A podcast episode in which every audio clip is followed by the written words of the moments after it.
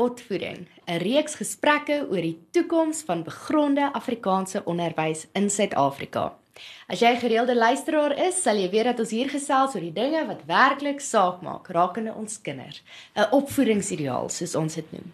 My naam is Charlotte Fourie en in die ateljee vandag het ons vir Johan Kokemoer, die hoof van onderrig en leer by die Solidariteit Skole Ondersteuningsentrum. Ons verwelkom ook vandag in die virtuele ateljee vir Dr. Janette de Klerk Littig. Janette is 'n moeder, 'n ouma en 'n onderwyskenner. Sy was self vir jare lank 'n onderwyseres en onderwyseropleier en Janette het die kwessie van waardegedrewe opleiding en opvoeding al deeglik deurgetrap. Welkom Johan en Janette. Baie dankie Charlotte.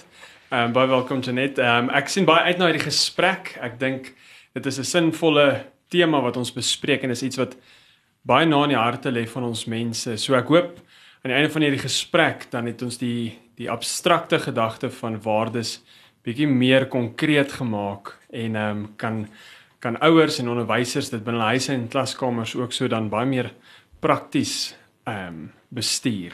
So ek gaan begin. Ehm um, die eerste ding wat ek dink ons ons by moet vertrek is die gedagte van karakter. En en ek dink die groot rede hoekom dit so sterk vertrekpunt is is karakter word regtig in in vandag se samelewing gesien as 'n skaars vaardigheid. Dit word eintlik as 'n tipe van 'n vaardigheid ehm um, beskryf as iets wat waarna ehm um, besighede kyk.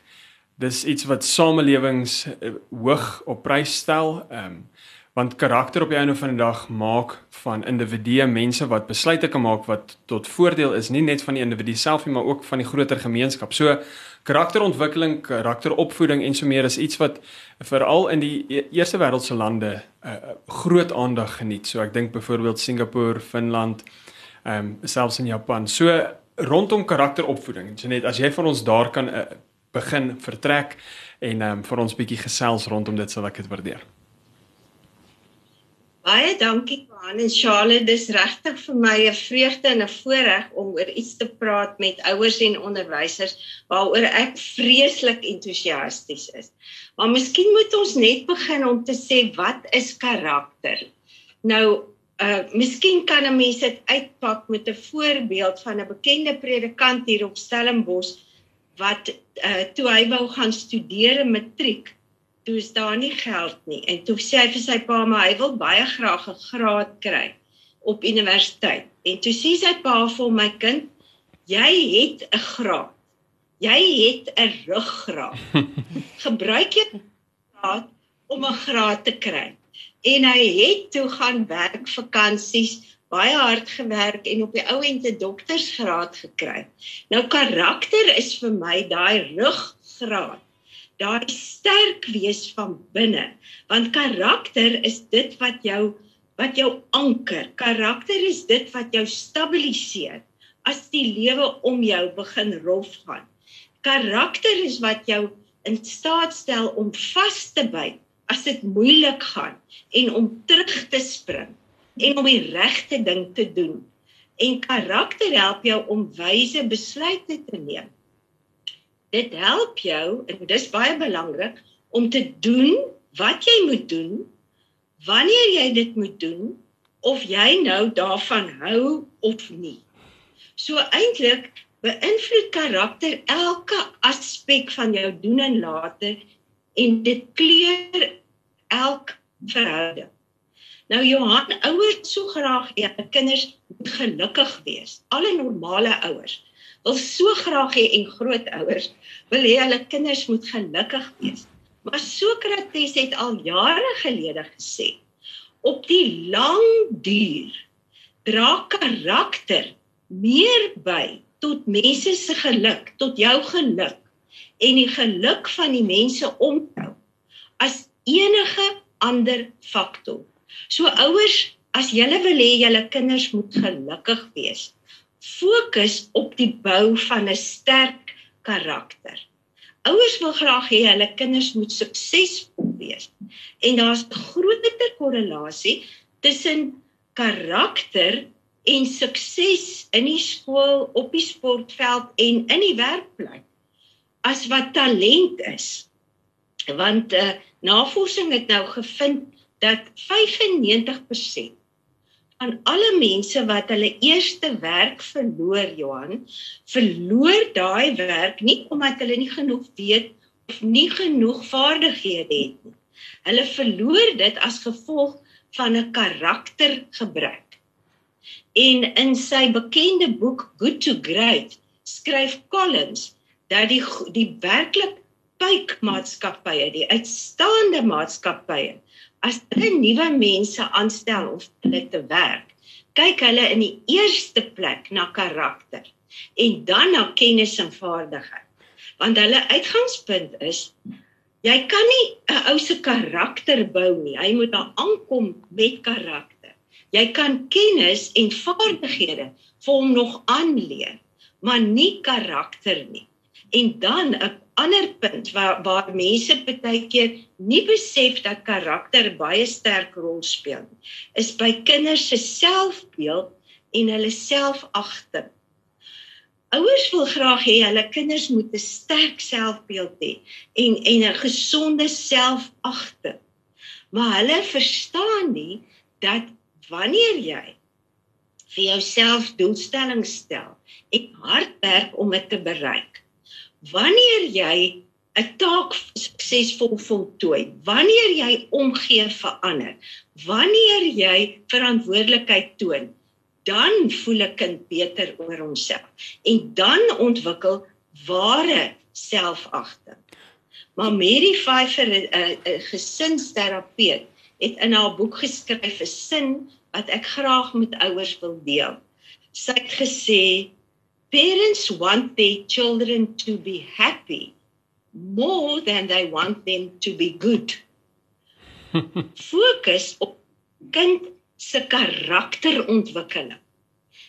Dan gaan hierdie ander dinge so sukses en geluk en sterk selfagting gaan dan kom.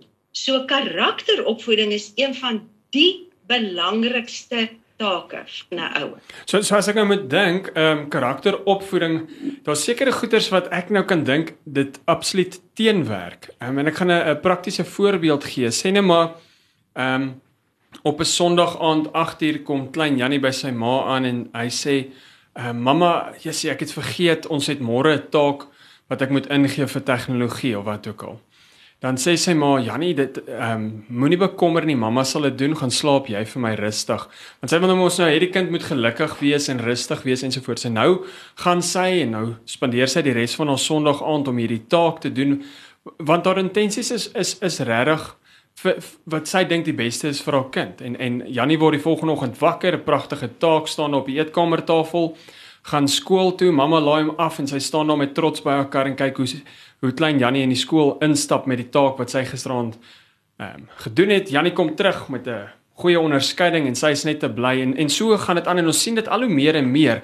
Maar op die lang duur het daardie ehm um, klein Jannie geen karakterontwikkeling eh, ondergaan nie. So so dan is die kind op die lang duur slegter af as wat hy was as jy op daai aand gesê het, "Oké okay, Jannie, jy het vergeet wat is jou plan van aksie en hoe kan ek jou dalk ondersteun daarin? En en as ek ek hou van die voorbeeld van ruggraat want 'n ruggraat het al hierdie wervels en elke wervel ja. het 'n ja. taak en en en as jy mooi na jou rug kyk dan het jy 'n redelike uh, vreugdevolle lewe. Ek as maar as jy nie mooi na hom kyk nie, dan mm. dan gaan jy altyd gebuk gaan onder die druk van die lewe. So so dink jy mense kan daai elke wervel vergelyk dalk met wa met 'n waarde, met met met waardes. Ek hou ek hou verskriklik baie dat jy daarvan dat jy die metafoor van die ruggraat nou verder ontwikkel het Johan.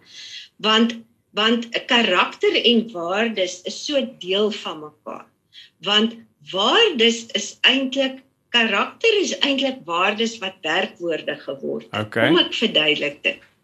Uh kom ek pak 'n bietjie die konsep waardes uit want waardes is eintlik die diep oortuigings van mense en van gesinne en van gemeenskappe oor dit wat regtig belangrik is in die lewe.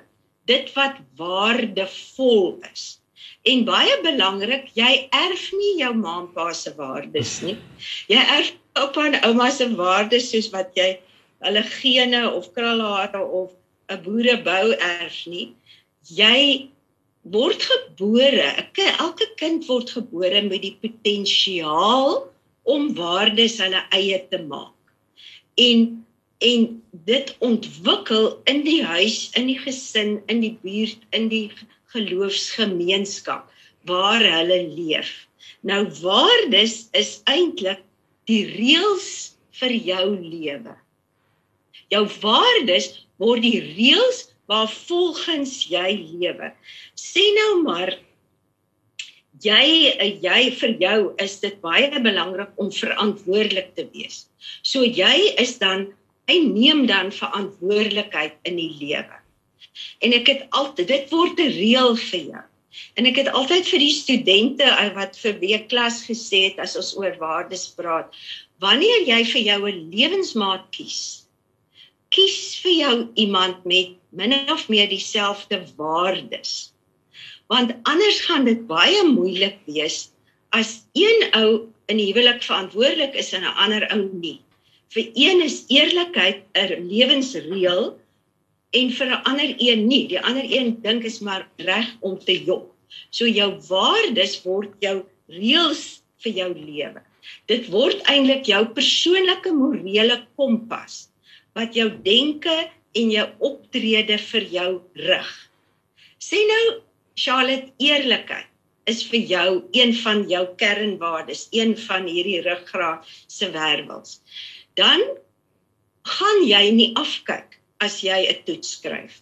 Dan gaan jy nie 'n bal wat op is afroep om 'n tenniswedstryd te wen nie, want eerlikheid is is deel van hierdie kompas jou jou waardes baie interessant word aan 'n meetinstrument. Of volgens jy jou eie gedrag en ander mense se gedrag meet. Hmm.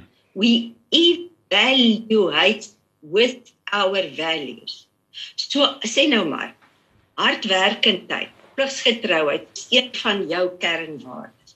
So as jy dan 'n ruk lank droog maak, dan gaan dit jou begin pla want jy gaan dink ek tree nou eintlik in nie in lyn met my eie waarde op nie. Dis wanneer dit 'n mens krap.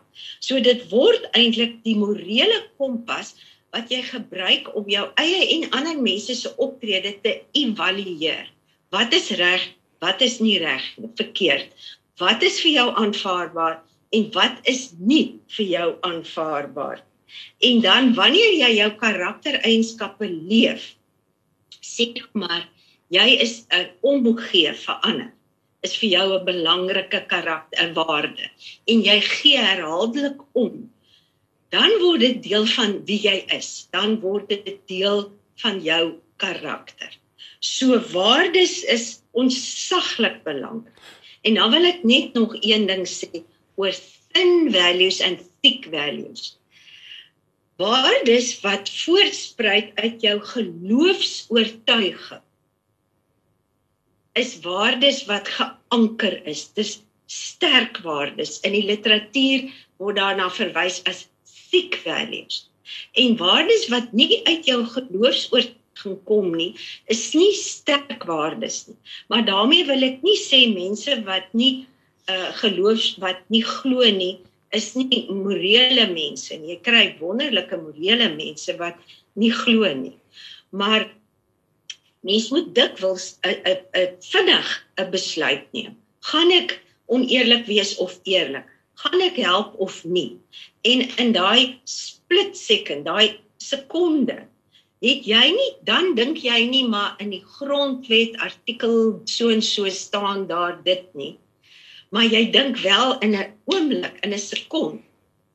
Die Bybel sê ek mag nie steel nie.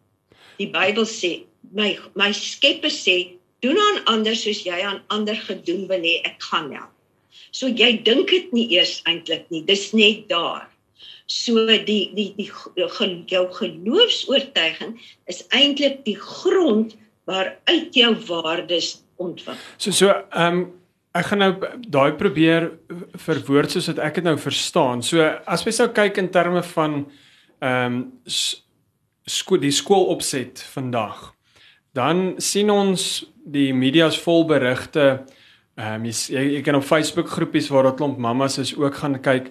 Daar daar's 'n die mense is ongelooflik negatief teenoor die gedrag van die huidige kind.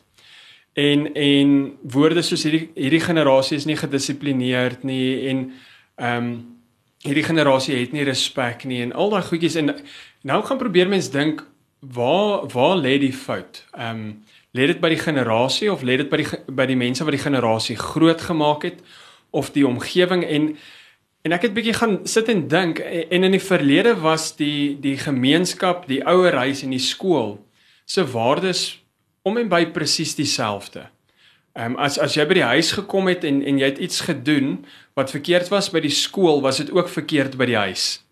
Ehm um, en en ons sien dat daardie gedeelde waardes as mens dink in 'n Venn-diagram in die verlede was die gemeen, die die die waardes was was 'n mooi oorvleeling tussen hierdie drie sfere van die lewe. Maar vandag lyk dit amper asof dit ehm um, onderling uitsluitend is of die goedjies nie aan mekaar raak nie. Byvoorbeeld ehm um, ouers heg dalk waarde aan goeie punte. Ehm um, waar die skool heg dalk waarde aan harde werk. En en as jy net goeie punte daaraan waarde heg, dan gaan jy dit op die kortste moontlike roete met die minste moontlike weerstand gaan jy dit volg. Dis net logies. Ehm um, maar as jy harde werk ehm um, dalk as 'n waarde beskou of hardwerkendheid, dan gaan dit vir jou meer oor wat jy insit as wat dit gaan oor wat jy uitkry.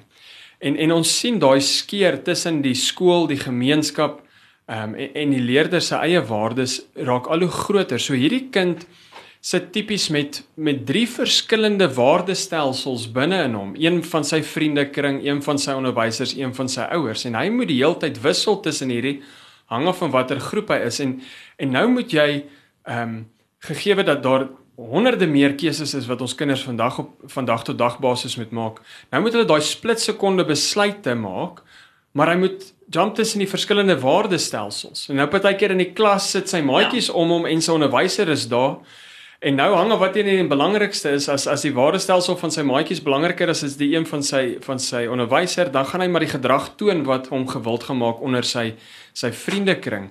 En dit dit maak 'n groot uitdaging want hierdie waardes, jou ruggraat bepaal hoe jy gaan beweeg. Dit loop uit in jou gedrag. En dis die gedrag die ding waarop ons die hele tyd fokus terwyl ek dink die ding wat ons eintlik moet aanspreek en jy kan nou dalk bietjie meer daaroor sê, maar dink die ding wat ons eintlik moet aanspreek is daai karakteropvoeding. Ons moet aan daai verskillende waardes gaan werk en ons moet seker maak die kind verstaan waar lê die oortuiging wat daai waarde begrond. Ehm um, en en en hoekom is daai waarde van van, van belang? En en dan as daai kind dit verstaan en hoe lyk daai waarde in aksie? Dan kan daai kind dit begin beoefen en hy kan dit begin internaliseer en dan kan dit ook deel van sy eie karakter DNA word. So ons het net om nou hierdie metafoor regtig saam te vat. ons het hom nou regtig hierso nogals uitgebrei. So ons het 'n ruggraat. Ja. Dit is die karakter. Die ruggraat bestaan uit wervels. Elke wervel is 'n waarde. Daar is rugmurg. Ja. Dit is ons Christelike geloof. Okay. Nê? Nee, ja. en op ons op ons ruggraat laat ons toe om te beweeg. Ja. En dit is ons gedrag. Dit is die gedrag wat ons doen. Okay. Okay, ek wil net seker maak ek, ek ja. verstaan hierdie metafoor. Julle is baie oulik met metafore. nou kar karakteropvoeding Johan, jy het dit nou so mooi uitgepak. Dit is nie eenvoudig nie. Mm. Dis kompleks. Want kar karakteropvoeding is eintlik die doelbewuste poging van nou luister wie almal hier 'n uh, invloed? Gesinne ja. families oupas en oumas ooms en tannies die skool en dit behels die onderwysers die afrigters almal wat die koorjuffrou almal wat betrokke is die gemeenskap die buurt en die geloofsgemeenskap. So die kring, dit is baie baie mense wat 'n inset het in hierdie karakterontwikkeling. En almal moet kinders en jong mense help om hierdie kernetiese waardes nie net te verstaan nie. Die verstaan deel is amper die maklikste deel. Maar hulle moet daarbey inkoop. Hulle moet daarvoor omgee En die moeilikste deel, hulle moet dit dan doen. Hmm. Hulle moet dit inoefen. Maar toe ek 'n kind was, ek het daar ons het 'n paar jaar daar in die Oos-Kaap in Adelaide gebly. As jy te vroeg gaan speel in die straat, het jou buurtannie vir jou gesê, "Jy skryf môre eksamen, het jy klaar geleer? Gaan leer." het vir jou ook gesê as jy dalk vergeet.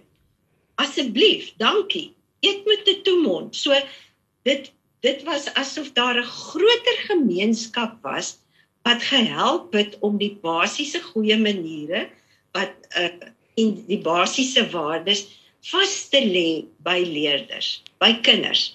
Uh maar karakteropvoeding is so omvattend en deesdae is dit asof mense meer geïsoleer bly.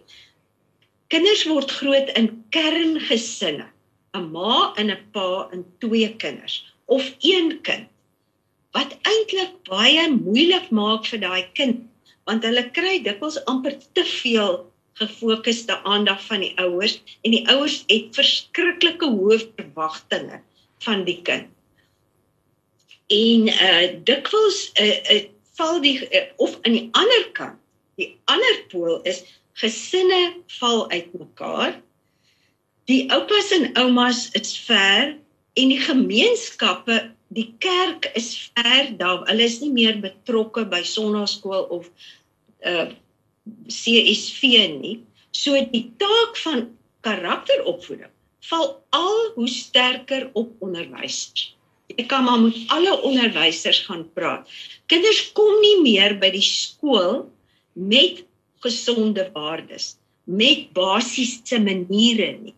Hulle en en nou word dit nou word dit die taak van die onderwyser. En en ek wil amper sê jy het nog vergeet van die invloed van die media ook. Ja. Waar kinders gebruik word. Uh, uh absoluut teen die waardes baie keer van gesonde kernwaardes. So die media kom nog met hulle agenda ook. En dan die, omdat kinders en tieners se identiteit baie keer nie sterk gefestig is nie. Beïnvloed hulle portuïergroep hulle en dan kies hulle lynreg. Hulle doen die domste dinge teen die waardes van die ouerhuis want hulle wil nie uitwees. Uh en dan wil hulle saam met die groep gaan want vir 'n tiener om verwerk te word is verskriklik. Uh hy, hy wil hy wil so graag deel wees of sy van die groep en nie uitwees nie dat hulle teen hulle ouers se waardes kies.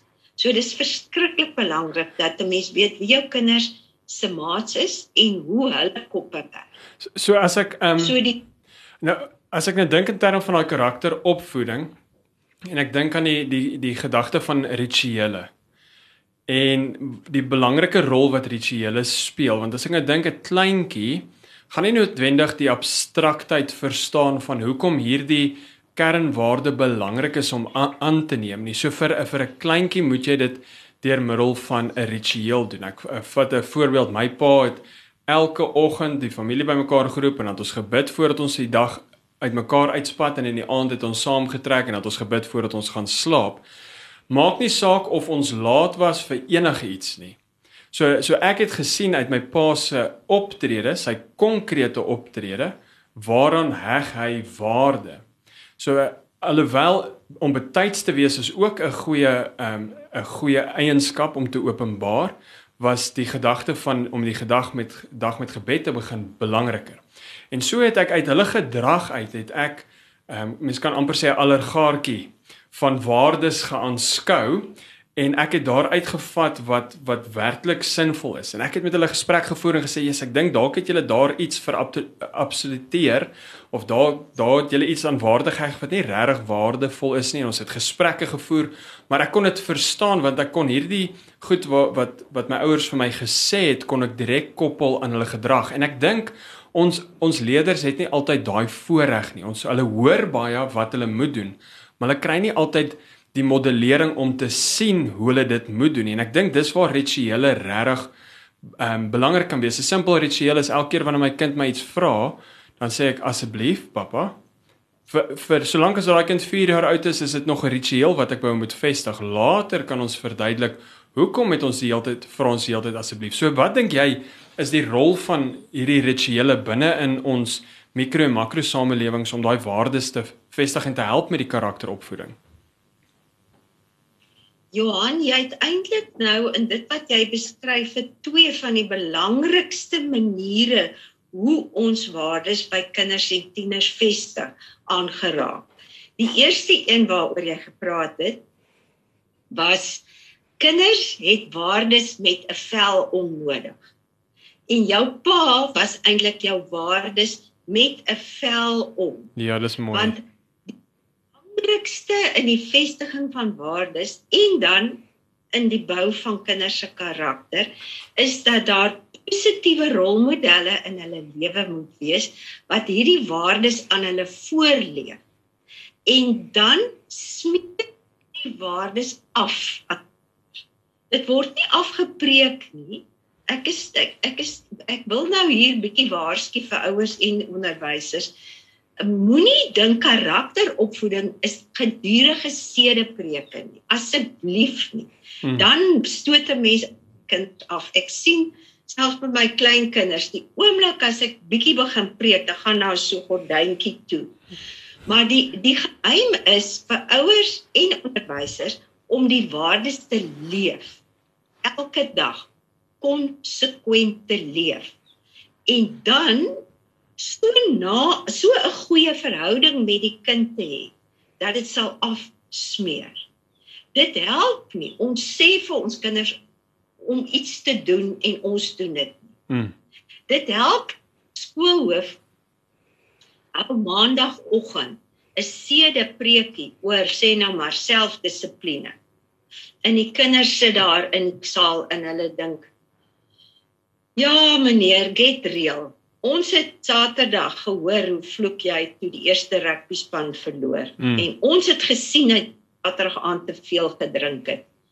Moenie vir ons kom preek. Ja. So suksesvolle ouerskap beteken eintlik in kern in wese om die mens te wees wat jy kan en behoort te wees. En dan so na aan jou kind te leef dat dit afsmeer. En dit is hoekom ouers en en onderwysers baie hard moet werk ook aan hulle eie vlakplekke. Want jy moet almekaar ook kyk na jou eie karakter wat dan 'n voorbeeld is vir jou kind. En my pa was 'n wonderlike wat die Duitsers sê 'n 'n mens. Maar hy het min gepraat. Maar ek weet ek dink baie keer wat sou pa gedoen het, ja. dan weet ek wat hy sou ja in hierdie situasie. Die tweede tweede manier so die twee dinge wat belangrik is is 'n positiewe voorbeeld, waardes moet 'n vel om, maar dan 'n goeie verhouding met jou kind. Dit help nie of met die leerder. Dit help nie jy sê vir 'n leerder wat om te doen, maar en jy weet ken nie eers daai leerder se naam nie. Daar is nie 'n verhouding nie dan sit die leier en sê ag jy ken nie eers my naam nie moenie vir my kom preek hmm. die tweede ding wat baie belangrik is in karakterontwikkeling is gewoontes en rituele.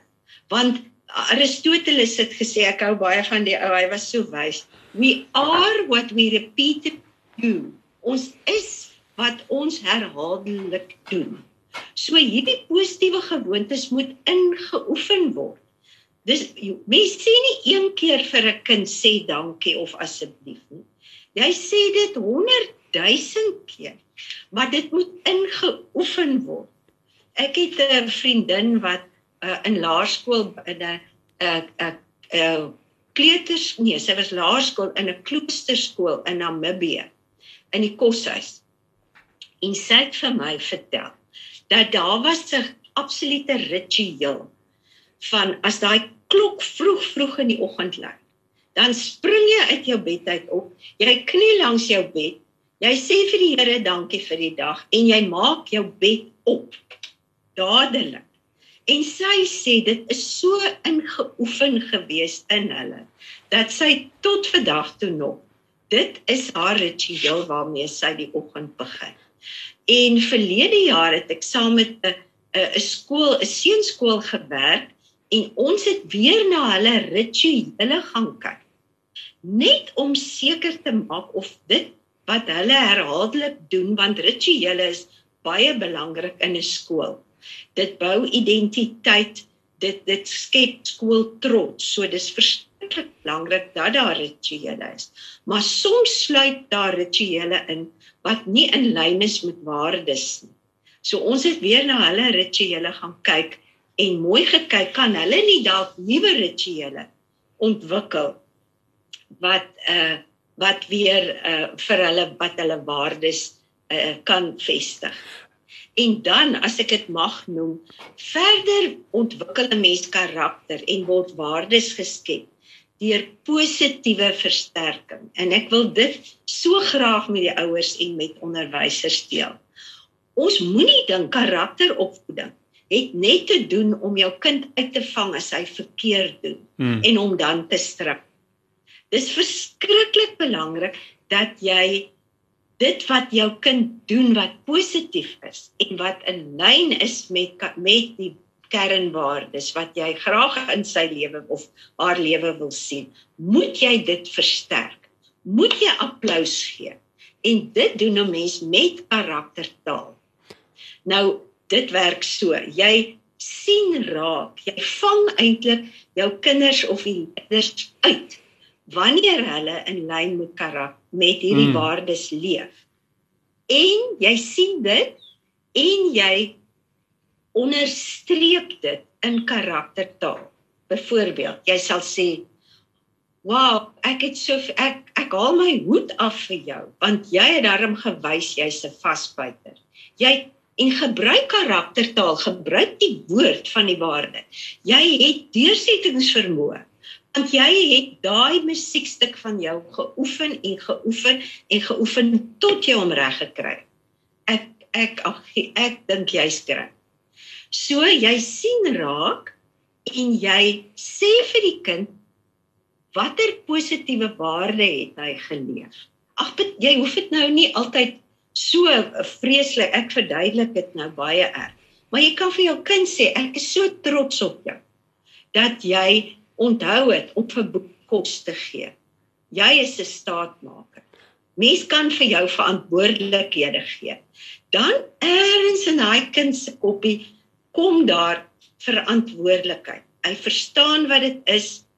Hy kom sy verantwoordelikhede na en hulle hulle kry applous. En as ek met 'n skoolpersoneel werk, dan sê ek altyd vir hulle hulle huiswerk, maar ek was 'n onderwyseres, ek mag huiswerk gee, is hulle mag nie huis toe gaan as hulle nie ten minste vir 5 leerders en 2 van hulle kollegas positiewe versterking in karaktertaal gegee.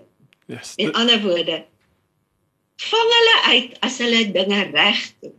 Dit is eintlik so belangrik wat jy nou sê, is eintlik as mens nou mooi dink, is ook 'n Bybelse beginsel van geloof kom deur die gehoor.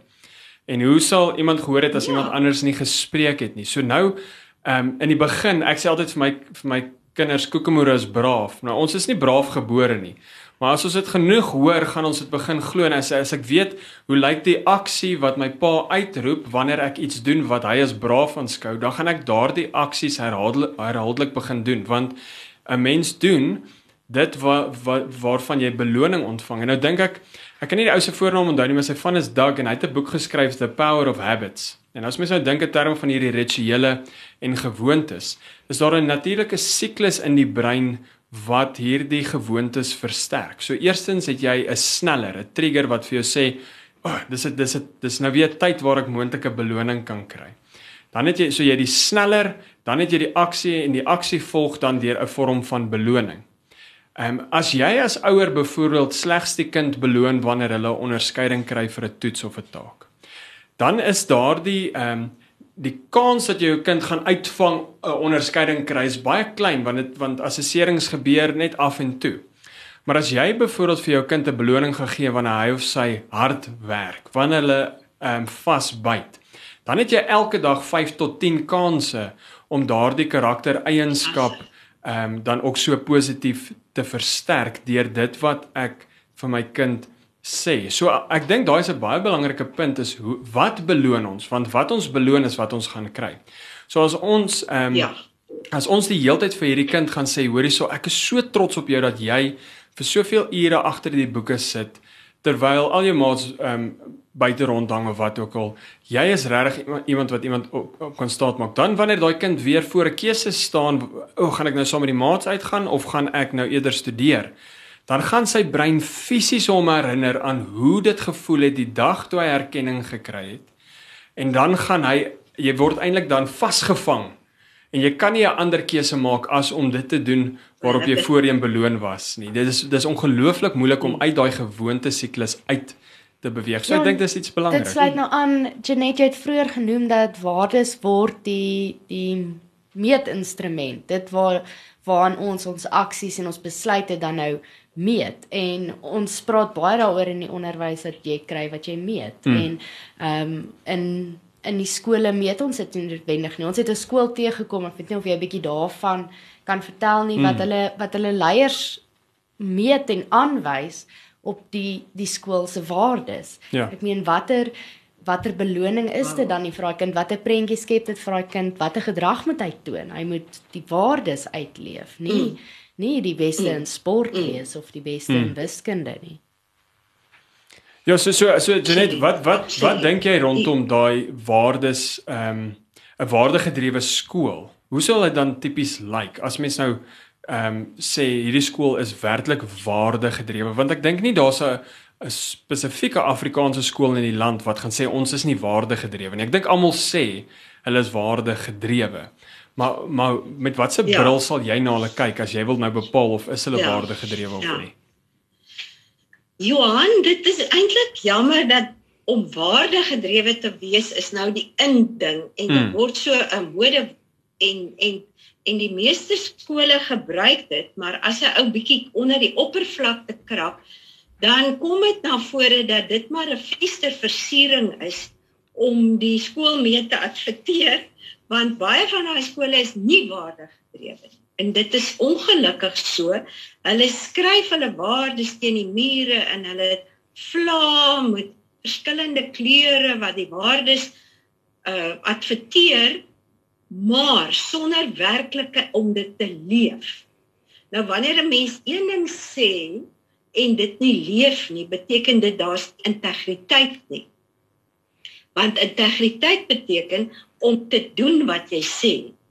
En ek wil net daai skole eintlik waarsku dat tieners en selfs klein jonger kinders is baie slim. Hulle het sulke antennetjies en hulle tel dit verskriklik gou op. En as jy respek het as een van jou kernwaardes en uh dit staan voorop in 'n vlag, maar jy loop in daai gang af en onder 'n onderwyseres verskree 'n kind, dan beteken dit dit is nie 'n waardegedrewe skool nie want daai waarde respek word nie geleef. En as hulle sê integriteit is een van ons waardes, maar die skoolhoof het 'n verhouding met die ongetroude of die getroude sekretaresse, dan is integriteit nie. So 'n waardegedrewe skool beteken die kernwaardes van die skool wat die ouers en die onderwysers moet kies asseblief nie die onderwysdepartement nie ons moet nog 'n bietjie daaroor praat. Die kernwaardes het die hoogste gesag in hierdie skool. Die kernwaardes se gesag is hoër as die van die beheerliggaam hoër as die leierspan hoër as enige ander persoon. So almal is onderworpe aan hierdie kernwaardes. En omdat dit so is, word die kernwaardes die kompas wat die besluite rig, die optrede rig, die houdings in daai skool rig. Dit is eintlik die draad wat alles saamsnoer. So die kernwaardes bepaal hoe tree ons op op die sportveld as ons wen en as ons verloor. Uh En ek het al in 'n revue gesit van 'n skool waar die selfs die kostuums my so geplaat en ek gedink het, maar hoe kon hierdie kostuums gemaak gewees het en aangetrek en gekies gewees het terwyl respek een van die waardes van hierdie skool is. So by 'n waardegedrewe skool word hierdie kernwaardes die maatstaf waar volgens almal se gedrag gemeet word, van die beheerraad skoolhoof tot die jongste leerder. En byvoorbeeld wanneer daar 'n dissiplinêre verhoor is, dan speel die waardes weer 'n rol want die waardes is dan die hoogste gesag. En dan moet die moet leerder verduidelik watter waarde het hy of sy nie geleef nie. So die waardes Johan vorm eintlik die raamwerk wat die identiteit en die kultuur van daai skool bepaal. Alles, alles wat op die skoolgronde gebeur, word deur die waardes gerig. Ag ek moet dit dit klink nou bietjie teoreties Net 'n voorbeeld. My sus het baie lank skool gehou daar in Noordwes. En sy vertel vir my dat sy eendag by atletiek byeenkoms was. En daar was 'n hele paar skole en aan die einde van die atletiek byeenkoms het die een skool soos een man opgestaan en na die een kant van die atletiekveld beweeg en die hele atletiekveld en die paviljoene skoon gemaak van gemors en plastiek. En dis nie eers die skool wat gewen het nie. Dit was nie eers die gasskool nie. En toe sy toe vra sy vir een van die seniors: "Hoekom doen julle dit?"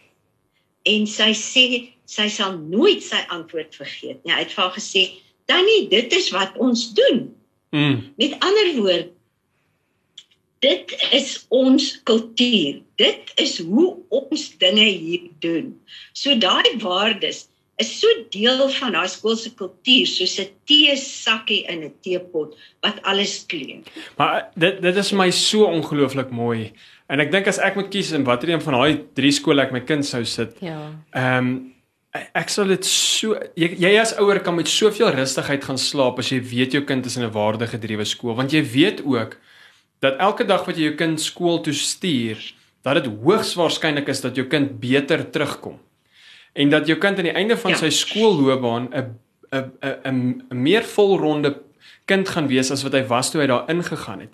En dat jy hoef nie die hele tyd te te damage control nie.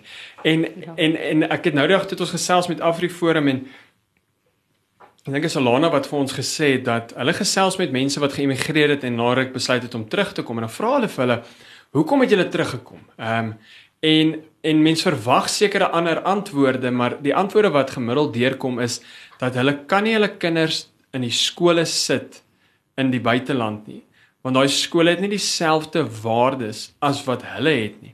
En hulle wil eintlik hulle kinders in skole sit wat die waardes oordra wat aan hulle oorgedra word. En dit is eintlik bietjie hartseer dat mense eers later in jou lewe die waarde van waardes leer. Ek meen dat jy dit nie regtig as 'n ja. jong mens leer nie, maar as jy dit nie as 'n jong mens geleer het nie, ehm um, dan gaan jy nooit ek, ek kan nie dink hoe jy tot op 'n dag besluit, ag nee, waardes is nou ewe skielik belangrik nie. So dit is nodig om hierdie boontjie te buig terwyl hy jonk is, sodat hy later wanneer hy gereed is en hy vrug dra, dat daai vrug goeie vrug is, dat dit dit liefde, uh, goedheid, vriendelikheid en so meer is. En en en hmm. ek is bekommerd rondom die gedagte van skole wat meer en meer materialistiese wêreldbeskouing het, um, wat fokus op hierdie um, prestasies teenoor om van hierdie kinders landsburgers, gemeenskapburgers te maak wat werklik in hulle groter omgewings waar hulle gaan land 'n verskil te maak. Ek ek ek weet nie of daardie rooi lig ook vir jou aangaan nie ek dink ons ons ons leef regtig in 'n in 'n prestasiekultuur, jy weet. Ek het eendag het een van my vriendinne vir my vertel sy het vir Sip Aas graad 1 skool gehou. En uh die twee ouetjies het begin begin praat oor hulle paas en toe's die een ouetjie kwaad, "Wat doen jou pa?" En toe sê die een ouetjie, "Juffrou, my pa se professor." Toe spring die ander ouetjie langs hom op. Toe sê hy: "Nee juffrou, hy joh, sy pa's net 'n mede-professor." en Stellenbosch en hier's elke tweede ou is 'n professor of 'n mede-professor, maar uh die geweldige druk om te presteer. Weet jy Johan dat daar kinders is wat afkyk om A's te kry? Nie net in Stellenbosch, in die hele Suid-Afrika. Die druk om te presteer, die druk om toegang te kry tot goeie kursusse is geweldig op op die op die skoolkinders van van uh, van vandag. Maar en daarom voel ouers en onderwysers, ag nee wat karakteropvoeding ek het uh, ek het al al die redes gehoor hoekom skole sê karakteropvoeding is nie belangrik. En een van die belangrikste redes ons moet ons matrieks deur hierdie vol caps kurrikulum kry. Ons kan nie nog tyd spandeer aan karakteropvoeding. Dit is nie ons werk nie. Terwyl hulle nie verstaan dat dit eintlik die spitwerk is waaruit volgehoue sukses en volgehoue goeie sterk karakter en mense ontwikkel en en so Sokrates gesê op die lange duur is jou geluk meer gekoppel aan jou karakter as aan enige ander faktor. Dis absoluut. So ek, ek, sorry Jenny, dis absoluut so. Daarteen. Ek um, ek dink aan uh, ons het verlede jaar toe gesels ons met 'n skool um, en hulle het gemiddeld 4.6 onderskeidings per kandidaat afgelewer. Maar ek was nogal aangenaam verras met ehm um, hoe hierdie skool anders as van die skole wat ons ken, nie dit gebruik soos so 'n bemarkingsfoefie soos al die ander nie. En ons het die hoof gevra, "Hoe het julle dit reg gekry? Wat is julle resep?" Ehm um, en dalk dalk het ons verwag ja sy gaan sê nee ons het hierdie tegnologie gebruik en ons het dit, dit gedoen ons het dat gedoen al hierdie toertjies. Haar antwoord was ons het niks gedoen die kinders het alles gedoen. En toe verstaan ons eers nie lekker nie. Toe sê sy die waardes was in plek. En toe covid kom toe kon daai kinders die verantwoordelikheid 100% oorneem en hulle het aangegaan. So die waarde van verantwoordelikheid neem vir jou eie werk was vir die kinders belangrik So dit was nie nodig vir hierdie onderwysers om 10000 toertjies te doen om seker te maak die kinders kry die inhoud nie. Die kinders het self daai dryf hmm. gehad. Ehm um, en en ja. en daai was vir my, dit was vir my dit het my oë so oopgemaak rondom eintlik die rol van karakteropvoeding want dit is 'n langtermynbelegging. Maar nou die uitdaging is 'n graad 4 juffrou. Nou wil sy begin met karakterontwikkeling, maar sy word nooit gemeet daarop nie. Haar vrug van haar arbeid gaan iemand eers proe wanneer daai kinders 18, 19, 20 jaar oud is.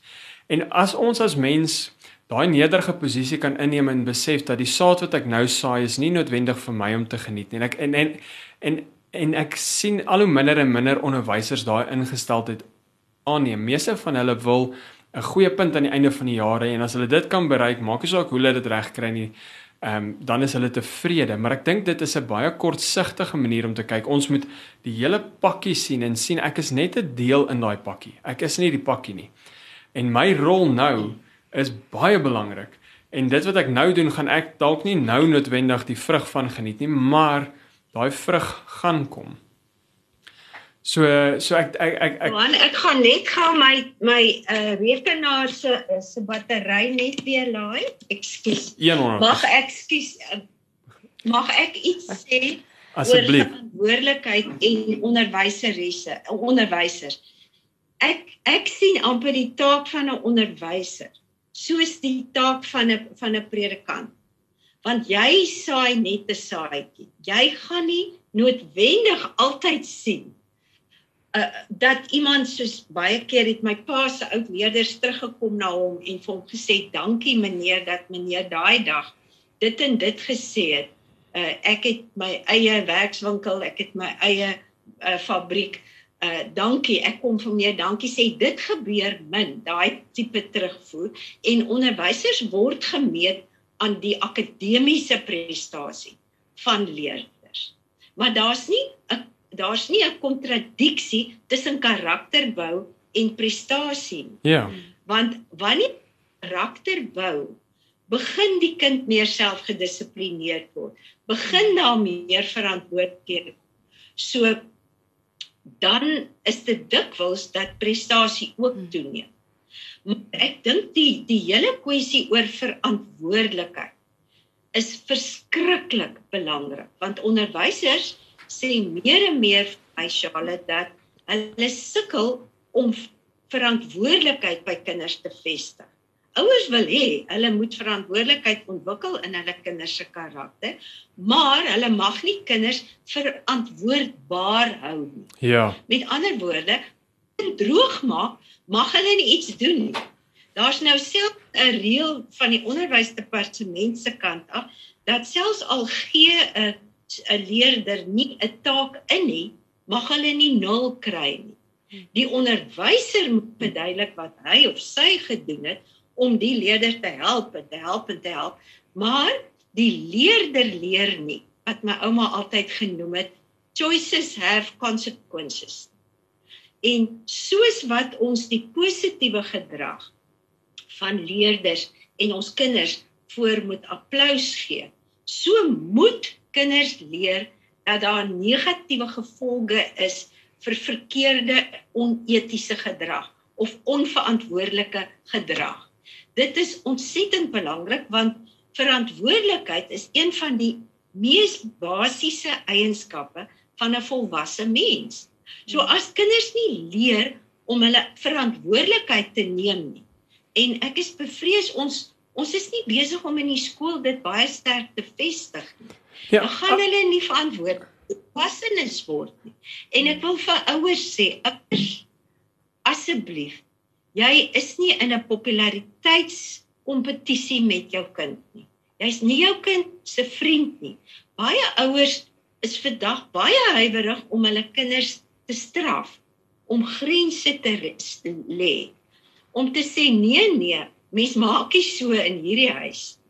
Want hulle wil hulle wil hulle kinders se vriend wees en dit is baie sleg vir die ontwikkeling van verantwoordelikheid. Ja, absoluut. Ek dink daar's min dinge wat 'n kind so rustig maak soos grense. Terwyl ehm um, ek dink mense dink op die oppervlakte dat kinders wil hierdie ehm um, grenslose lewe hê waar hulle kan wees wat hulle wil wees, wanneer hulle wil, wil wees. En en op die oomblik lyk dit dalk of hulle bevredig word, maar daardie kinders het nooit rustigheid in hulle harte nie. Nou as mens nou dink in die kon, in, in in terme van straf, ek dink ehm um, straf is nou al dis 'n taboe ding om oor te gesels en en dis dis iets wat mense nie as positief sien en so Maar as dit nie vir straf was nie, was ek nie waar ek is nie. Ehm um, as dit nie vir straf was, was enige iemand wat enigstens ehm um, iewers gekom het waar hulle was en daai straf is partykeer net die logiese nagevolge van my verkeerde aksies en dade. Maar vandag se ouers beskerm die kind teen die logiese nagevolg van sy verkeerde aksies en dade. En as jy dit doen, dan werk jy aktief teen die waardestelsel van daai skool, aktief teen die waardestelsel wat jy dalk op jou eie muur in jou huis het. Ehm um, en en en ons moet leer hoe om te straf. En ek gaan 'n eenvoudige voorbeeld gebruik. By my hokkie span, ehm um, weens my natuurlike by die beperking op my natuurlike vermoë het my nooit toegelaat om rugby af te rig nie, maar ehm um, so ek moes die hokkie kry en in my hokkie span as jy laat gekom het vir die eerste keer, dan het jy waarskuwing gekry en die tweede keer het het het ek jou net op die ehm um, op die bench gesit vir vir die hele spel. Jy het nog steeds gekom, maar jy het nie speeltyd gekry nie. En dit was die logiese nagevolg van jou verkeerde aksies en dade. En ehm um, dit het my uit die aard van die saak nie gewild gemaak onder die ouers nie en ek moes al in die hoof se kantoor gaan verduidelik het hoe kan ek so iets doen. Maar as jy jy het nou vir ons gesê dat waardes moet die hoogste gesag dra binne 'n skool. En as ons vanuit 'n Christelike lewens- en wêreldbeskouing kyk, dan en ons waardes is begrond van binne daardie lewens- en wêreldbeskouing, dan is dit eintlik 'n opdrag van God om verantwoordbaar op te tree om teenoor jou naaste te doen soos wat jy jouself gedoen te wil. Dan is dit eintlik 'n baie hoër opdrag. En dan kan 'n skool wat verklaar op sy webtuiste ons is 'n Christelike skool kan dan tegnies nie sonder um, om sy gewete te pla die staat 'n hoër gesag gee vir die besluite of, of die staat gebruik as 'n verskoning vir die besluite wat hy of sy neem wat teen lynreg teenoor hulle waardes was. En mense sien dit dat die staat word die verskoning hoekom 'n skool nie opgetree het binne die raamwerk van hulle waardes nie. En en dis nou baie lekker ons het verlede week gesels ek met 'n met 'n adjunkhoof vanuit daar die ehm um, strand area. En hy het party mense sal sê radikale besluite, maar hy het seker goeters net gesê ons gaan dit nie doen nie. En ek sê vir hom maar Jessie, dit is absoluut lynreg teenoor die staat sê jy moet doen. Toe sê hy maar hy kan nie dit verdedig nie. Hy kan dit nie opvoedkundig verdedig nie. So hy kan dit nie met 'n rustige hart doen nie want dit is nie belyn met hulle skool se se ethos was sy woorde. En ek was so mateloos beïndruk ja. met daai rig want daar het iemand wat uit ruggraat gewys. En en en ek en en dit veg dat hy moes dapper wees en hy moet braaf wees en hy moet aanvaar ja. dat daar gaan ook dan logiese nagevolge na sy kant toe kom. Maar hy was bereid om daai ja. hout te vat in plaas van om die knie te buig. So dit was dit was nogal vir my iets ja. opmerklik. Maar Johan, wat dit wat die situasie nou nog vir my slegter maak is ons maak nie ons kinders ons berei hulle nie voor vir die realiteit van die wêreld van werk nie. Ja. As ons altyd vir hulle saggies toedraai in watte. Want ek het eendag saam met 'n vriendin tee gedrink wat die moeilike vak termodinamika vir jare gegee het hier by Stellenbosch en toe het ons toevallig gepraat oor wat doen ek as 'n student by opvoedkunde 'n taak laat ingee en wat doen hulle by uh, by ingenieurswese en ek sê toe ons trek el, ek trek elke vir elke dag wat die taak laat is 10% af. So later merk ek jou uit 50 sy sê wat? Julle is dan genadig? Ek sê wat doen julle? Sy sê as daai werkstuk vrydagmiddag 3 uur moet inwees by 'n posbus in word daai posbus 3 uur toegemaak So as jy 2 minute na 3 dae kom ouma, kry jy 0 vir daai taak. Ek sê van, "Wow, julle is hard op die studente." Ek sal nooit vergeet nie en sy sê vir my, "Weet jy wat? Ons is nie hard nie. Ons berei hulle voor vir die wêreld van werk." Want as jy 'n tender ingee, waar ook al, maak nie saak hoe lank jy daaraan gewerk het. As hy laat is, hulle maak daai posbus toe en jy kry nie daai werk. So as ons dit nie vir hulle nou leer nie, dan gaan hulle eendag baie swaar kry daar buite. En ek is net bang as ouers take doen, as onderwysers maar oorsien en oorsien, kom aan laat jy hoef nie die oefening by te woon nie want jy is 'n goeie speler, jy sal in die span speel, dan leer hulle nie om verantwoordelikheid op te tree nie en hulle kan nie verantwoordbaar gehou word nie. En dit is baie sleg vir hulle karakterontwikkeling en vir hulle volwasse word. Uh, um, ons gaan nou moet begin afsluit met daai laaste voorbeeld het my hulle dink ek het self nou die voorgaat om bloed te sweet in die vak termodinamika en die tweede wet van termodinamika sê alles neig na chaos. So so alles is op pad chaos toe behalwe as ons dit aktief teenwerk. En nou dink ek in terme van ons skole, ehm um, is dit dis besig eintlik om meer en meer chaoties te wees en ek dink aan daai ehm um, hoof van Kloetuswil wat die brawe stap geme gemaak het en die gemeenskap herinner het aan hulle waardes en hulle opvoedkundige rol as as ouers en so meer. So ek ek ek wil net 'n gelaaste gedagte by jou hoor rondom ehm um, in die begin het ek gedink dat 'n waardestelsel en 'n dissiplinestelsel nie mekaar noodwendig kan komplementeer nie want die een fokus net op die gedrag en die ander een fokus op die binnekant wat wat die oorsaak is van die gedrag. Maar tog het ons gesprek gister ter voorbereiding het het jy my het jy my kop bietjie geswaai dat dalk is daar ruimte vir beide hierdie stelsels binne in 'n bestaande skool. Ja. Abs absoluut. Ek dink uh, ons het beide nodig. Ons het ons het hierdie proaktiewe fokus op ons leef ons waardes nodig en ons het ook die reaktief okay. daar gaan straf wees jy dit nie doen nie. Ons Dis het baie dit nodig maar ek dink die klem moet nie op die straf val nie. Die klem moet val in hierdie skool leef ons die waardes. Sê nou maar respek is 'n kernwaarde van die skool daarom. Omdat respek ons kernwaarde is groet ons mekaar vriendelik. Omdat respek 'n kernwaarde is praat ons beskaafd met mekaar en ons vloek nie. Omdat respek 'n kernwaardes is, laat ons nie boelie en groepwreedheid toe. Verstaan jy? So die die klem val op die leef van die waarde, maar ons skole is nog nie so waardegedrewe dat dit ons is eintlik bitter ver daarvan af. So daar moet tog ook hierdie konsekwensies en straf wees reaktief as jy dit nie leef nie. Die klem moet val op die kind se verantwoordelikheid om die waarde te leef. Maar daar moet tog ook hierdie ek moet gehoorsaam wees aan die reëls anders gaan daar konsekwensies wees. Ek dink beide en Johan uh, ons is ons ek wil nie eers sê ons is op pad daar nie. Ons is baba treetjies op pad na werklik waardegedrewe skole en ek kan die paar waardegedrewe skole waar ek al wat ek al besoek het op een hand tel. Ongeluk. Baie dankie Janet. Sjoe, nee, dit was nou werklik werklik 'n baie lekker gesprek. Dankie Janet, dankie Johan.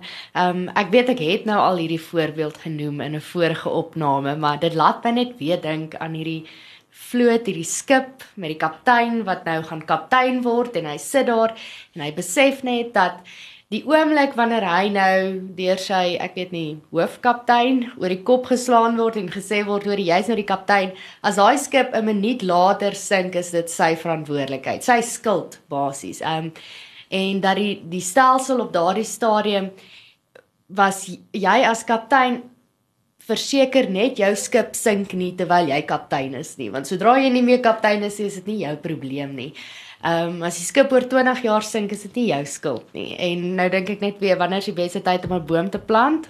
20 jaar terug. Nou ja.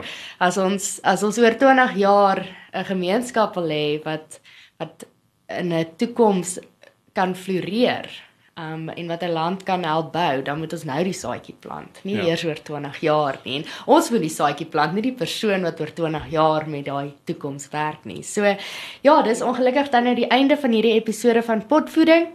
Dink saam, praat saam en doen saam. En saam kan ons die toekoms van begronde Afrikaanse onderwys in Suid-Afrika verseker.